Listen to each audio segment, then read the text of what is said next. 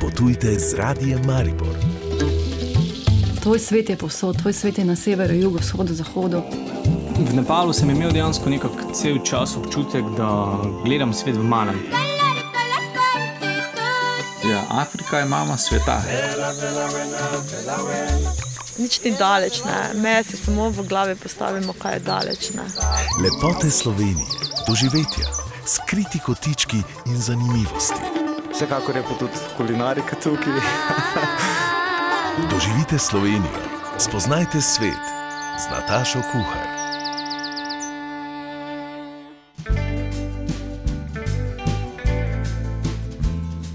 Lepo pozdravljeni in vabljeni k poslušanju. Znova je čas za nekaj turističnih vsebin. Predstavili bomo zbirko štirih knjig z zgodbami in recepti vseh jedi, ki se stavljajo piramido strategije gastronomije Slovenije.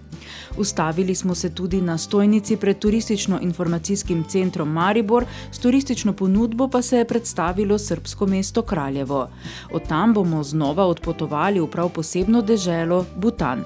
Vabljeni k poslušanju.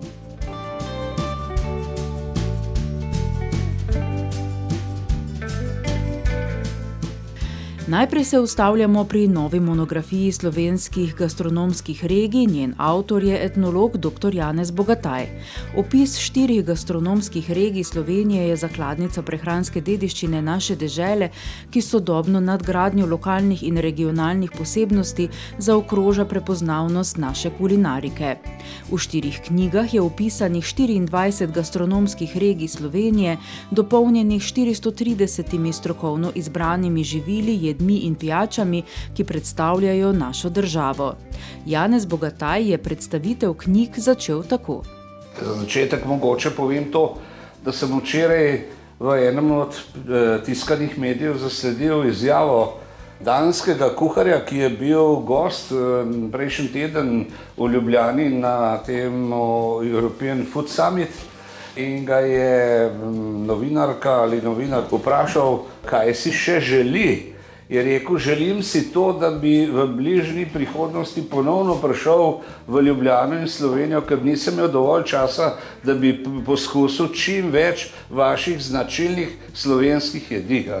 Ta izjava se mi zdela izjemno zanimiva in kaj ti seveda v Sloveniji se še pogosto dogaja, da kadar izpostavljamo lokalno in regionalno in naše tipično, da te hitro obsodijo za nacionalista. To se mi dogaja tudi včasih v strokovnih okvirih. Res pa je, ne, da uh, je to samo pomankanje rekel, razumevanja, kaj ti danes v svetu, ne samo v Evropi, se ponovno zelo veliko poudarja lokalno in pa regionalno, ne samo tisto, kar je na krožniku, ampak tudi glede uh, živil samih.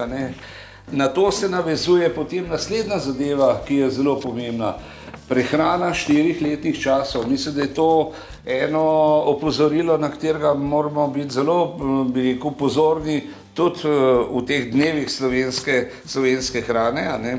Jaz se kar bojim zdaj, da bo kršen, sicer letos ne bo pred novoletnih sprejemov, tako kot je bila navada. Ko sem šel eh, čez Ljubljano, recimo, pa sem srečal kršenega znanca, ki je bil v poslovnih krogih, je rekel, joj, včeraj te pa ni bilo na sprejemu, eh, pred novoletnem smo jedli češne, ne, sem rekel, a res, odkot pa so, a so skorjula, a so uh, iz zgornjega kašlja, ne, in tako naprej. Skratka, prehrana štirih letnih časov, Potem kratke dobavne verige, sem že omenil, in pa seveda poudarjanje trajnostnega razvoja.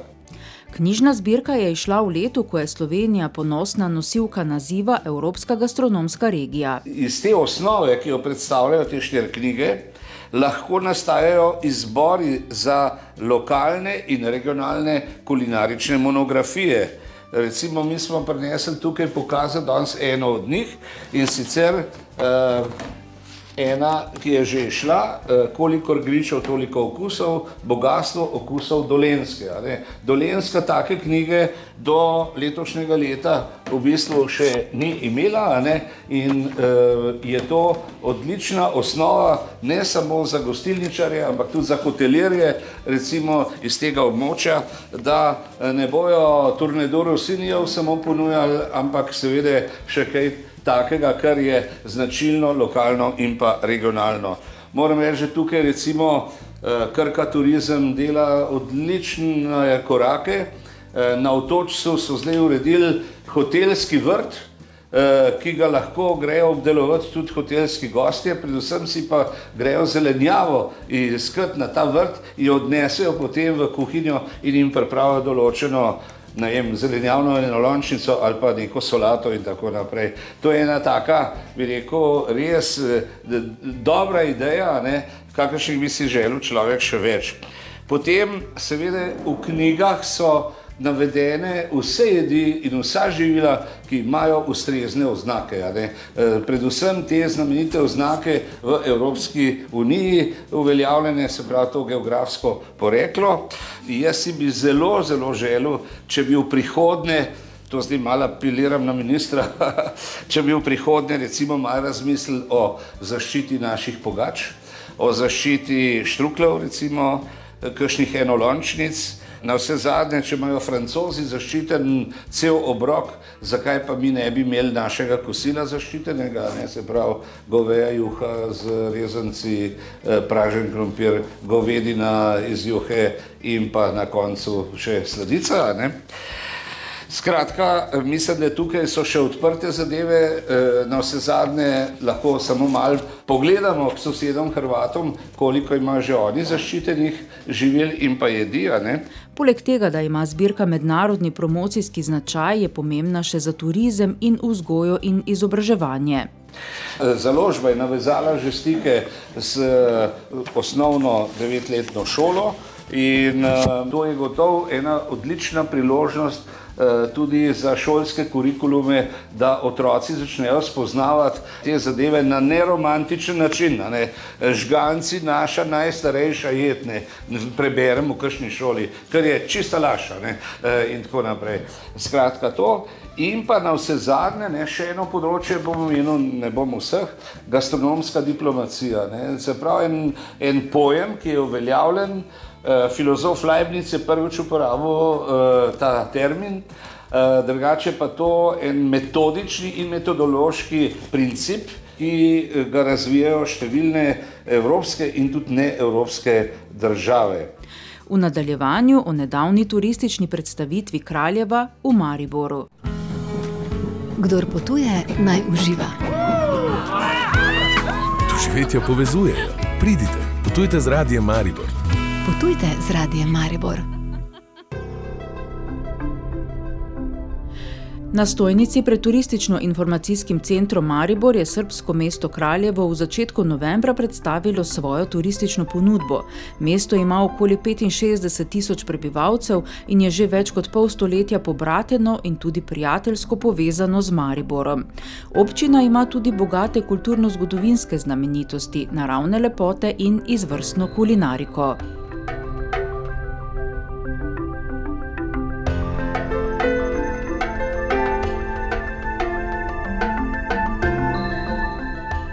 Kraljevo je mesto, ki ga Mariborčanom ni treba posebej predstavljati, saj sta mesti zanimivo povezani. Že pred drugo svetovno vojno je v Srbiji živelo okoli 100 tisoč slovencev, nemalo tudi v Kraljevu, kjer je bila pomembna tovarna železniških vagonov, francozi pa so med obema vojnama tam postavili tudi tovarno letal. Posebne razmere so nastopile leta 1941, ko je bil po nekaterih izračunih vsak deveti prebivalec Kraljeva izgnanec iz Slovenije. To mesto je v zadnjih dveh desetletjih doživelo skokovit razvoj. In zakaj so se za predstavitev odločili prav v Mariboru, direktorica tamkajšnje turistične organizacije Ana Mirosavljević pravi. Turistička organizacija Kraljeva je prošle godine krenula sa promocijom turističkih potencijala. Turistična organizacija Kraljeva je lani začela promocijo v domačem in tujem okolju. Obiskali smo veliko mest v Srbiji in širši regiji. Odločitev za obisk Maribora je povezana s prijateljskim odnosom obeh mest. Za vse pa je zaslužen tudi častni občan Kraljeva, gospod Andrej Verlič. Kraljevo je mesto bogate tradicije, kulture in zgodovine. Tisto, na kar smo najbolj ponosni, pa je naša dolina stoletij ali dolina kraljev, v kateri najdemo dva najpomembnejša srpska srednjeveška samostana. To sta Žiča in Studenica. Prvi je samostan iz 13. stoletja in predstavlja zaobljubo kralja Štefana Prvovenčanega, ki je bil za srpskega kralja tam kronan pred natanko 800 leti. Nekoliko oddaljen od kraljeva je samostan Studenica, ki leži ob vznožju planote Golije. Gre za največji in umetnostno najdragocenejši samostan srpske pravoslavne cerkve. Graditelj samostana je bil na začetku 13. stoletja Štefan Nemanja, začetnik dinastije Nemanjičev in srpske državnosti. Sestavljen je iz dveh crkva, obzidja in spremljajočih gospodarskih objektov. Cerkve so zgrajene iz belega marmorja, zato so v ljudstvu znane tudi kot Bela studenica. Omeniti moram še trdnjavo Maglič, ki je bila v zgodovini pomembna zaradi strateške lege. Ime je dobila, ker je pogosto ovita v meglo. Tam vsako leto pripravljamo viteške turnirje, prisluhnete pa lahko tudi srednjeveški in duhovni glasbi. Poleg kulturno-zgodovinskih spomenikov naj omenim še, da je kraljevo obkroženo s hribovjem Goč in Stolovi, kjer so odlične možnosti preživljanja prostega časa. Jer je ona idealna za školski rekreativne nastave. Je pa v zadnjem obdobju kraljevo slovenskim obiskovalcem bliže, saj ima njihovo letališče Morava povezavo z Dunajem in grškim Solunom. Z avtomobilom je iz Maribora prek Zagreba in Beograda do kraljeva 650 km v eno smer, pri čemer je vse do 30 km oddaljenega Čačka avtocestna povezava, trenutno pa gradijo avtocesto tudi do kraljeva. In kaj pravi turistična statistika Ana Mirosavljevič? Do korone, negde zadnjih nekoliko godina, imali smo postepeni konstantni rast broja turistov. Do epidemije smo beležili stalno rast prihoda domačih in tujih turistov, tako da smo dosegli okoli 100 tisoč nočitev. Letos jih beležimo okoli 60 tisoč, mesto pa premore okoli 1500 namestitvenih zmogljivosti. Tudi v Srbiji je država razdelila polnoletnim po 50 evrov turističnih voucherjev, ki jih prejmejo zgolj socialno šipkejše družine. In okoli 5000 teh voucherjev je bilo porabljenih prav v Kraljevu. In še nekaj primerjav. Cene so v Kraljevu polovico nižje od tistih v Beogradu. Za skodelico kave boste odšteli od pol do evra, pivo vas bo v gostilni stalo od enega do pol drugega evra, porcija čevapčičev pa štiri evre. Območje Kraljeva je sicer znano po lokalnem kajmaku in rakiji ter po razgibanem nočnem življenju. Veliko gostov v zadnjem času odkriva turistične kmetije, v okolici mesta jih je okoli 80 in naslovijo po urejenosti in okusni domači hrani. Štiričlanska družina bo za dan namestitve odštela le od 30 do 50 evrov. Glede prihoda tujih turistov naj povem, da jih največ pride iz Rusije, Nemčije in Poljske, nemalo pa iz držav, ki so pri nas odprle tovarne, recimo iz Turčije.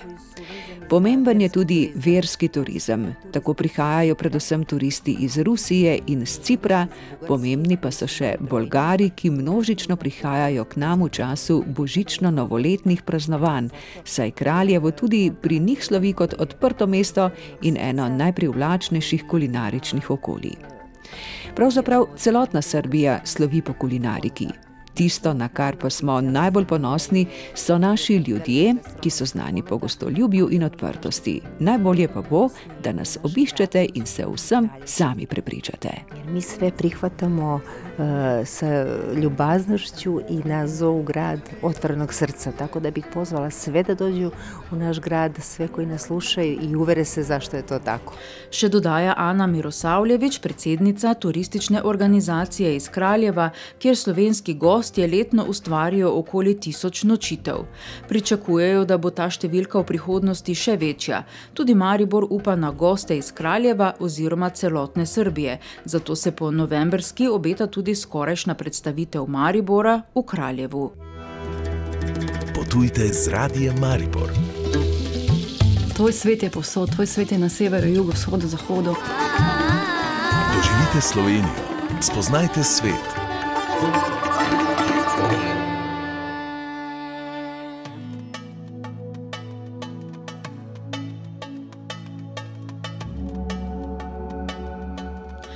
In zdaj še v Butan. Našega gosta, popotnika Zorana Furmana, je ta posebna dežela navdušila. Označujejo jo izjemno ohranjena tradicija, močna skrb za okolje in izolacija od zunanjega sveta. Butana ni mogoče obiskati kar tako, saj je država turizem zelo omejila in trum turistov tam ne boste srečali. Prejšnji krat smo slišali, da je slabo počutje na trekingu našega sogovornika za kratek čas ustavilo, to pa je bila priložnost, da je podrobneje spoznal tamkajšnje življenje. Dobra stvar je bila to, da sem imel možnost spoznavati malo več domačine, neki imajo res zelo takšne zanimive klobučke, nosijo zelo preprosto, to živijo. Um, en gospod sem zjutraj videl, kako pere oblačila v potokom, ampak naj pa povem zjutraj, ko sem se pa zbudil, si pa kje na, ob potoku densko videl, kako je bilo vse, vse ledeno, da se densko čez noč celo led naredil. E, Ravno takrat je bil v hribih, eh, so spravljali žito, to dejansko vidiš, vse na roko, najprej požanjajo, potem pridajo, posečejo vršičke v stran, potem mlatijo, zmlatijo na ta način, ko mogoče stare mame še poznajo, mm -hmm. potem dejansko je to treba vse presejati, plevel od zrnja. In to je bilo na nek način tudi eh, zanimivo opazovati, ker mi ne znamo več ceniti, ne vem, kilogram moke, veš, en evro, na primer.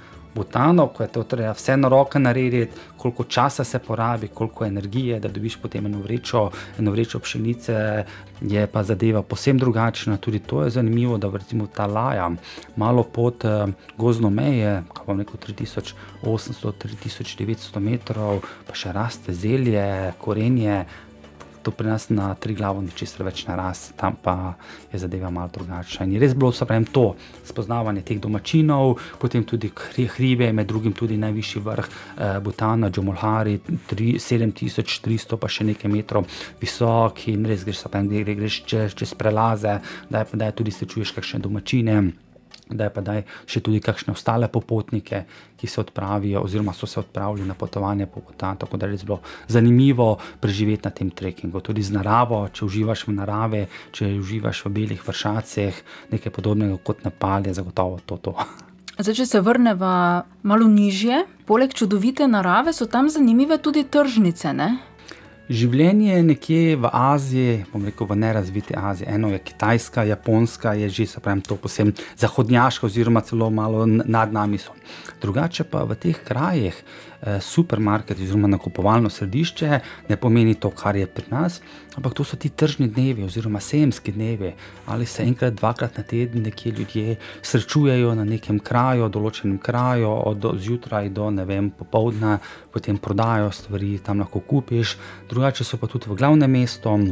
In tudi, bom rekel, ta odprta tržnica, nekaj podobnega, kot recimo pri nas bilo 20-30 let, če v Mariboru, kjer ljudje pridejo, kupijo stvari, to je seveda v glavnem vse bio oziroma doma predelano, to domačini iz svojih pol eh, prenesajo. Z namenom, da prodajo, da se potem lahko kupijo določene druge stvari za življenje. Ker tudi večji del prebivalstva v Botanu se ukvarja z poljedelstvom in živinorejo. Mhm. To je tudi, recimo, Butan znan po tem, da ima več kot, eh, ravno zdaj v tem eh, dokumentarnem filmu, sem videl, da več kot 60%, več kot 60% površine ne Butana prekriva gos. Kar pomeni, da v bistvu Butan ustvari več kisika, kot ga dejansko poraba, pa ne pač porabijo. Pa poznani so tudi po pridelavi riža, ne? rdečega riža. Riž je tudi v doli, bolj, bolj nižje. Eh, konkretno govorim, ko smo se pripeljali v mesto Timpo, da res viš ogrom, ogromne polje te, te, tega riža. Ker mislim, da vsi poznamo sam tisti riž, ko rabi ogromno vode, ampak dejansko obstaja tudi gorski riž, ki potrebuje bistveno manj vode kot recimo ta, ta nižinski riž. Zagotovo je pa marsikje v Aziji, Nepal, Indija. Butan, eh, Pakistan, riž, dejansko eno in edino, eh, oziroma glavna sestavina v prehrani domačinov. Brez riža enostavno ni nič, je pa tudi relativno poceni, re, relativno in dejansko za njih, marsikdaj je za koga, ne revno, edino, edini na prehrana. Mhm. Kaj pa sicer prehrana? Radi jejo začinjeno hrano ne? in čili je tam v bistvu kot del neke zelenjave, niti ni kot začimba. Ogromno stvari, vsaj jaz tako smatram, ima nekako vpliv iz Indije. Kot sem že rekel, z edino deželo, s katero ima približno 605 km meje, densko na, za, na zahodu, jugu in na, in na vzhodu, uh, se bom rekel, ti vplivi tu poznajo. Sploh v glavnem mestu, ko se okrog sprehajaš, ogromno se pravim te, bom rekel, čilija, zelo pekoče hrane. To je tudi ena od stvari, ko sem jaz zelo dal podarek, prosim, ne pekoče. Se pravi, sam osebno, se greš v Sloveniji, da je na pico, ne vem, en jalapeno, en, en kolobar pa ga ima za celo pico, nekateri pa se pravi, je res zelo pekoča hrana, oziroma pikantna hrana, sploh če si v Indiji. Tudi kakšni deli, recimo Kitajske, provinca Juan, Sečuan je zelo znana po zelo, zelo pekoči hrani. Se pravi, če ti s tem rasteš gor, ni, ni problema, nekdo je ljubitelj. Sloveniji so ljubitelji, ki imajo čili, pa si ga dobesedno na vsako stvar gordajo. Osebno sam nisem ljubitelj take pekoče hrane, ne tako da vedno, ko sem na teh krajih, prosim, prosim, ne pekoče, ne pikantno. Je pa kdaj, pa kdaj v Indiji, namreč po koncu Butana sem še potoval po severovzhodnem delu Indije, dejansko vzhodne je od Butana. Tam pa veliko krat to, kar je dejansko za njih ne pekoče, za moj okus še bilo vedno zelo, zelo pekoče, oziroma pikantno. Kaj pa je, kakšna tako znana njihova tradicionalna hrana, poleg tega, da je pekoča? Glede na to, se pravi, kot turist, Seveda, ko smo se vozili, te vedno počakajo v teh uh, turisti, uh, v restavracijah, kjer so tudi namenjeni turistom. Dejansko se, sem, se, se pravi, oni imajo določene uh, restavracije, kjer vsi ti turisti počakajo, se najedo. Tako da ne spomnim se, da bi res rekel, da je bila tak, ena vem, takšna posebna stvar. Kar se pa trekkinga tiče, ti pa tako in tako so zelo prilagodljivi, ve, da se dejansko prilagodijo turistom, da ti pripravijo, ne vem, toast, marmelado. Jaz se spomnim, da en dan, ko sem bil bolan, pomfrija se mi zlušili, so mi pomfriji spekle. Tako da ja. Se pravi, so ljudje, ki se zavedajo, da zahodnjaki imamo malo drugačne prehrambene navade, da nam je za zajtrk bolj pomemben, ne vem, kruh, marmelada, kaj takšnega, kava, ne pa ne vem, da boš juho ali pa ne vem, riž, rišeto za zajtrk. Tako da se pravi, kapo jim dol, glede tega so, se, so zelo prilagodljivi. Uh -huh. In obvladajo še verjetno zato, ker ni takšne količine turistov. Ne? Točno, takoj, ko bo se pravi, pride do nekaj masovnega, se tudi pač ljudje spremenjajo. Je pa tudi eno drugo dejstvo, verjamem, marsikdo se ne bo strinjal z menoj, jaz nisem neki gurman, kljub temu, da sem gostinc po izobrazbi, ampak ko začenjaš potovati. Ko sem začel potovati kot študent, sem vedno bil vem, omejen, budžet, oziroma denar, ki sem ga lahko porabil. Pač, enostavno gledaš na to, spat moraš, jesti moraš, nikoli pa nisem vem, čez gurmanski, čez. Eh, um, zelo dobro kulinarično hrano potoval. Veliko bolj mi je dejansko pomembno, kakšno doživetje, si ogledaš kakšne stvari, kot jih ne vem, lahko samo nekje vidiš. Konkretno, recimo pred leti, ko sem bil v Ugandi. Sem si ogledal gorile, ki je res zagotovo finančni zalog, zalogaj, ampak to je življenjska izkušnja, ko vidiš divje gorile tam na 3, 4, 5 metrov stran, medtem ko pa češ nekje na ulici, kar domačini do spiš, rekel, v poceni lokalnih eh, hotelih, tam, kjer je seveda pač to, to, to ti omogočeno. No, pre, prebrala sem tudi, da je prepovedano uporabljati kemične proizvode, ne? in prav tako je menda prepovedano kajenje na uh, ulicah. Ja, res je. V Butanu, da če, če te dobijo, da kadiš, dejansko moraš, v bistvu se, koliko mi je Kimi takrat razlagal, se more, moraš prijaviti in potem plačati neki dodatni davek. Ampak kot vsi vemo, črni trg posod po svetu cveti in dejansko lahko popolnoma vse dobiš. Je pa pri njih ena druga stvar, glede na to, da ne smejo, kad, ne smejo uradno kaditi, žvečijo ene ureške. To so beteljevi ureški, potem še neka krema, potem še pa listi zraven. In to je, se pravi, vem, da Kimi mi je enkrat celo dal ta orešček. Pri meni je pač tako da je von zelo tisti indikator, ali bom nekaj ali ne bom. In ta von je bil takšen, da ne vem, kaj bi mi lahko nekdo plačal, da bi to sploh poskušal v usta dati, ampak oni to konstantno žvečijo in potem pluvajo.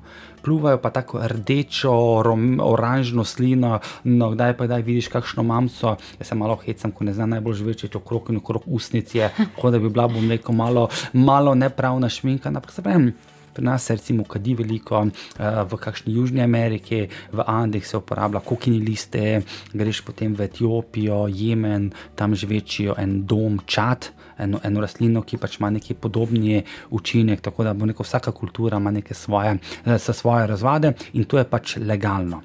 Medtem ko cigareti so pač uradno prepovedani, ampak kot, kot sem že, že rekel, na ulici, če te dobijo, imaš lahko težave, ampak marsikdo, če veš, da nekaj prepovedano, ne bo šel potem namerno na ulice, eh, ki ne pač kaditi. Kar se pa turistov tiče, mene noben recimo ni vprašal, sicer sem nekadilec, ampak me ni noben vprašal, če imam kakšne cigarete. Sem pa ravno zdaj, ko sem gledal to dokumentarno oddajo, da tudi dejansko imajo, tako kot se oni izrazijo, dry day, v bistvu en, enkrat na teden ne, ne strežejo alkohola. Mhm. Tako da takrat ne moreš kupiti nobenih alkoholnih pijač. Ampak se pravi, jaz v, v glavnem mestu, da smo bila z, z vodičem, pa še potem v paru, ampak ve, večina časa tako in tako ješ v restauracijah oziroma v hotelu, si malo ogledaš mesto, nikoli pa nisi pravi neki, da bi šel ver, da bi šel v lokalne bare in potem tam, tam ne vem, presedel uro, dve. No, Butan uh, menda dobro skrbi tudi za okolje, posebno skrb posvečajo sajenju dreves in pa voda je za nje posebna. Ne? Res je, Ne vem, če sem omenil, da smo že prej govorili, da že več kot 60% Butana je tako in tako poraščenega z gozdovi, na drugi strani je pa za njih voda zelo pomembna, iz vidika namreč pridelujejo ogromno električne energije.